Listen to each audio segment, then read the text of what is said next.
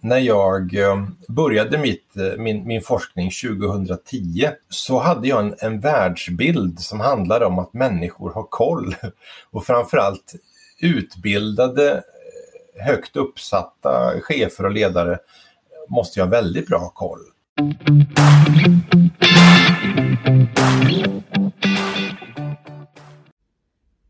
Forskeren eh, Simon Elvnes jobber ut ifra spørsmålet 'Leder du som du tror'? Visste du at ledere ofte må bruke opptil 50% av tida si på å gjøre om arbeid som allerede har blitt gjort? Det er ofte fordi at målet med oppgaven ikke var kommunisert godt nok fra start. Og det her det er jo mye tid lederen i Moelven egentlig ikke har, Victoria. Nej men absolut. Eh, och att ledare dessutom lägger hela 90% av sin tid på att eh, instruera och informera. Och här finns det faktiskt en stor möjlighet att faktiskt ändra på den procenten. Men vad var det som gjorde att vi gick eh, igång, som du säger på svensk, med Simons forskning då? Nej, men jag tror vi är eniga du och jag Ida i att Simons forskning är väldigt enkel och tillgänglig och väldigt tydlig att ta till sig. Så att, det är väl därför vi har valt Simon och hans forskning som grund för den här eh, utbildningen. Vi eh, kontaktade faktiskt Simon för att få veta lite mer och eh, höra honom själv berätta om varför god kommunikation är så viktig. Och eh, få höra lite fler om hans intressanta fynd från hans forskning.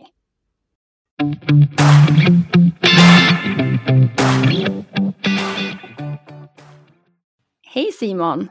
Jag tänker att vi går rakt på sak här och börjar med att fråga dig frågan varför god kommunikation är viktigt för att leda mer effektfullt. Oj, eh, god kommunikation. Eh, jag tror att det ett bra svar på den frågan skulle kunna vara att, att kommunikation handlar ju om språk. Och språk är det som människor använder för att uttrycka sig och göra sig förstådda men också då eh, grunden för att samarbeta med varandra. Så språket är viktigt och eh, det finns ett uttryck att språket är en fälla. För eh, i det vi uttrycker så finns det alltid utrymme att tolka det olika, att man har olika förståelse för det som sägs. Så jag skulle väl säga att, att eh, god kommunikation är ju helt avgörande för om du blir förstådd och om andra förstår det du vill att de ska förstå. Så, så tror jag att jag skulle kunna ha ett svar på den frågan. Det låter eh, helt och fullt korrekt tänkte jag säga, men eh, insiktsfullt. men när vi är ändå inne på det insiktsfulla, vad är, alltså, vad är en god kommunikativ ledare? Om du skulle få beskriva en sån, hur är den eller vad gör den? Kanske man ska säga. Um, jag skulle väl vilja säga att uh, alltså allt, allt arbete går att bryta ner i, i delar. Och uh, vanliga delar i arbete det är ju då i, gränssnittet mellan människa och maskin, det vill säga att jag som människa ska arbeta med en maskin eller en apparat eller ett verktyg, en dator och göra mitt arbete. Men det är också ett ganska vanligt tvärsnitt att en människa möter andra människor. Så en, en, en kommunikativ ledare det är ju någon som, som är lika noga med vad som sker mellan människor som det som sker mellan människa och maskin. Så översätter man det enkelt, om du sitter och granskar ett mejl som du ska skicka, om du har stavat rätt, så innebär det att du läser varje bokstav som du har skrivit i det här mejlet. Men det är väldigt få personer som granskar varje ord de använder när man pratar eh, verbalt med varandra. Så Ehm, en god kommunikativ ledare är ju en som är lika noggrann med hur man pratar som man är noggrann och granska sin felstavning i ett mejl egentligen. Och det betyder att man delar in kommunikationen i delar. Den första delen är någon form av förberedelse. Den andra delen är någon form av struktur man ska gå igenom. Den tredje delen är ju då ordvalet eller kommunikationen. Sen finns det en, en en tredje, fjärde del som byggs på som handlar om att säkerställa vad den andra personen har förstått. Så man brukar säga att det finns, det finns tre sätt att prata. Det första sättet det är att prata för att få något sagt. Då utgår man bara från sig själv, det vill säga man informerar och instruerar och vill få ut det som man vill ha sagt. Det andra sättet att prata det är att också vara intresserad av vem man pratar till. Och om du är intresserad av vem du pratar till, då måste du som ledare lämna det här med att bara informera och instruera och också börja ställa frågor. Det vill säga visa att du är intresserad av den personen som du möter. Hur har den personen det? Vilken situation kommer den ifrån? Hur förstår den? Kanske vilken utbildning och erfarenhet den har? Hur en arbetssituation ser ut just nu? Och sen det tredje sättet att prata, det är då att också vara intresserad av vad personen har förstått. Så första steget, prata för att få något sagt. Andra sättet att prata är att prata med intresse för vem du pratar till. Och det tredje det är att prata utifrån vem du pratar till och hur den personen har förstått. Så en, en god kommunikativ ledare är ganska analytisk, eh, kategorisk och reflekterande och är väldigt mån om att kommunikationen har en hög effekt. Annars blir liksom det bara prat utan effekt. Liksom. Precis. Nu tog du nästan min nästa fråga där, tänker jag, på vikten av att vara en frågvis ledare. Men eh, då förstår vi där att fråga är en otroligt viktig sak och ett verktyg att använda. Ja, det, det, är bara viktigt om du är intresserad av någon annan än dig själv. Mm. Så, så man kan ju säga det att, att, om du inte är intresserad av andra och inte behov av att de förstår dig, då kan du strunta i att ställa frågor. Mm. Men om vi kommer in på min eh, nästan den avslutande frågan som handlar lite om du har ju i dina studier kommit fram till att ledare faktiskt inte leder så som de själva tror. Kan inte du berätta lite om, om det? Ja, det, det blev nästan en överraskning för mig med. Jag tänkte att jag skulle sända ut en enkät, en, en sån här survey eh, till kanske tusentals ledare och fråga eh, Har du större problem med andra på arbetet än du har med dig själv? Och då tror jag att nästan alla ledare skulle svara att de, de, de upplever att andra är ett större problem än de själva. Eh, och så länge vi har den inställningen att andra är ett större problem så tycker vi då att andra borde ändra sig innan vi själva behöver göra det. Och därför sker inte så mycket förändring på arbetet. Så när du som ledare behöver Eh, du behöver andra resultat eller någonting ska förändras, så är det första steget vi alltid tar, det är hur vi ska ändra på andra. Men den största utvecklingen, den, den når vi alltid om vi börjar ändra på oss själva. Men det där rimmar ju väldigt fint med vårt aktiva ledarskap, att vara mer aktiv i sitt eget ledarskap också. Helt klart. Um, om man får säga så här, kan du ha, vilket är ditt viktigaste medskick till Moälvens ledare? Ehm, jag har ju skrivit i min bok om, om färdigheter och det är en erfarenhet som jag har fått. Det är baserat på att jag har hållit i en utbildning med 1500 ledare i fem års tid.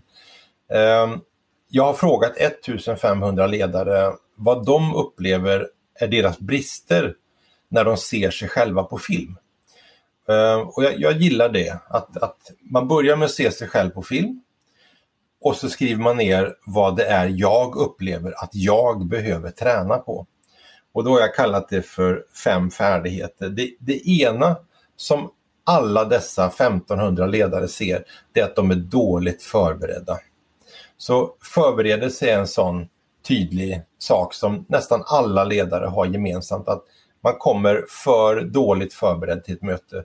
De sitter för tätt ihop eller man har inte planerat förberedelsetid eller så. Och då är det egen förberedelse och andras förberedelse. Eh, det andra som vi har sett eh, som de här ledarna tar upp, nästan alla 1500 ledare säger att de är mera otydliga än vad de själva upplever att de är när de ser sig själv på film. Så alla ledare önskar att de skulle uppfattas som mer tydliga.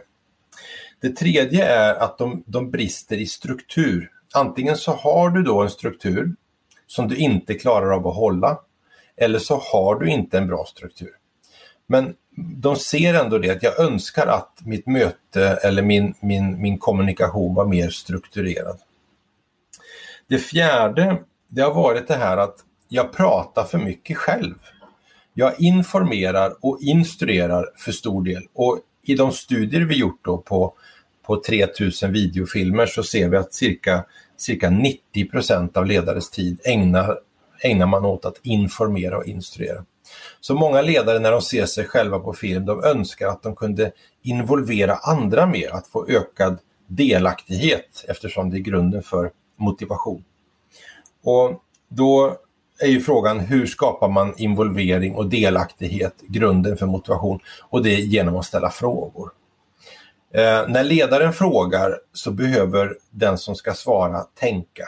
Och det vi själva får tänka ut, det vi själva får planera och själva får formulera, det motiverar oss mer än det som andra har tänkt ut och formulerat åt oss.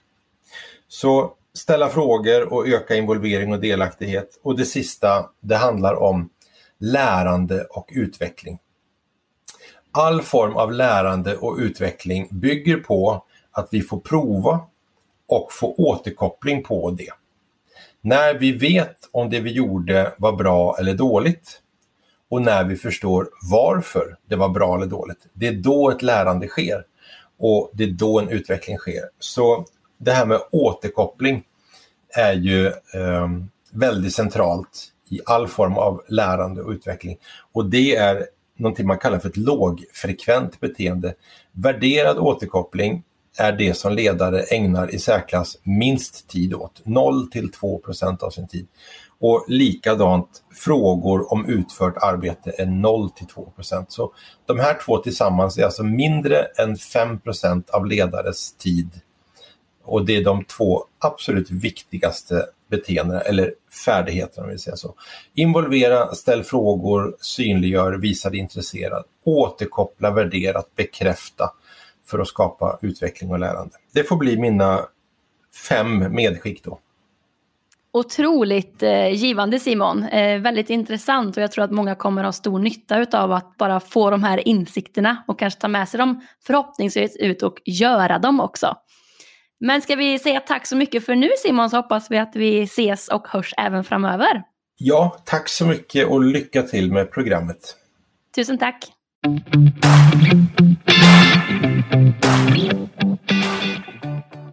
Som vi har hört idag är kommunikation tätt knyttet till både tydlighet, struktur, involvering och feedback. Det här det är också titlarna på avsnitten i eh, kommunikationskurset. En måte att utveckla det kommunikativa ledarskapet ditt är att lära dig mer om hur ditt egna ledarskap faktiskt utövas. Ja, så till det här avsnittet så ska du få två uppgifter för att just öva. Och vi vet att de här övningarna är eh, utmanande och kan kännas eh, lite jobbiga. Men det är övningar som kommer ge dig väldigt mycket för att du ska kunna utveckla just ditt ledarskap. Så den första uppgiften, där vill vi att eh, du filmar eller tar upp ljud från ett vanligt möte som du har. Det kan till exempel vara ett projektmöte, morgonmöte eller liknande. Du kan filma både med kamera eller med mobiltelefonen. Eller spela in ett digitalt möte går också bra. Men försök att agera så som du faktiskt gör när du har dina möten. Och så får du inte glömma att berätta för personen eller personerna att du spelar in. Eh, har du en inspelning så kan du självklart använda den och du kommer få en mall att utgå ifrån när du tittar och analyserar ditt möte sen. Vi får också slänga på att det är ingen andra som ska se det upptaget eller lyden du tar upp. Det är kun för din egen läring. Og den andra oppgaven det är att notera ned dina styrkor som kommunikativ ledare. Vi lär mycket av att se på det vi redan är gode på. Ja, och i nästa avsnitt så ska vi titta lite närmare på den första färdigheten som Simon nämnde i sitt inspel, nämligen förberedelse och struktur. Och eh, då tittar vi närmare på olika verktyg och tips som kanske kan göra din arbetsvardag lite mer strukturerad.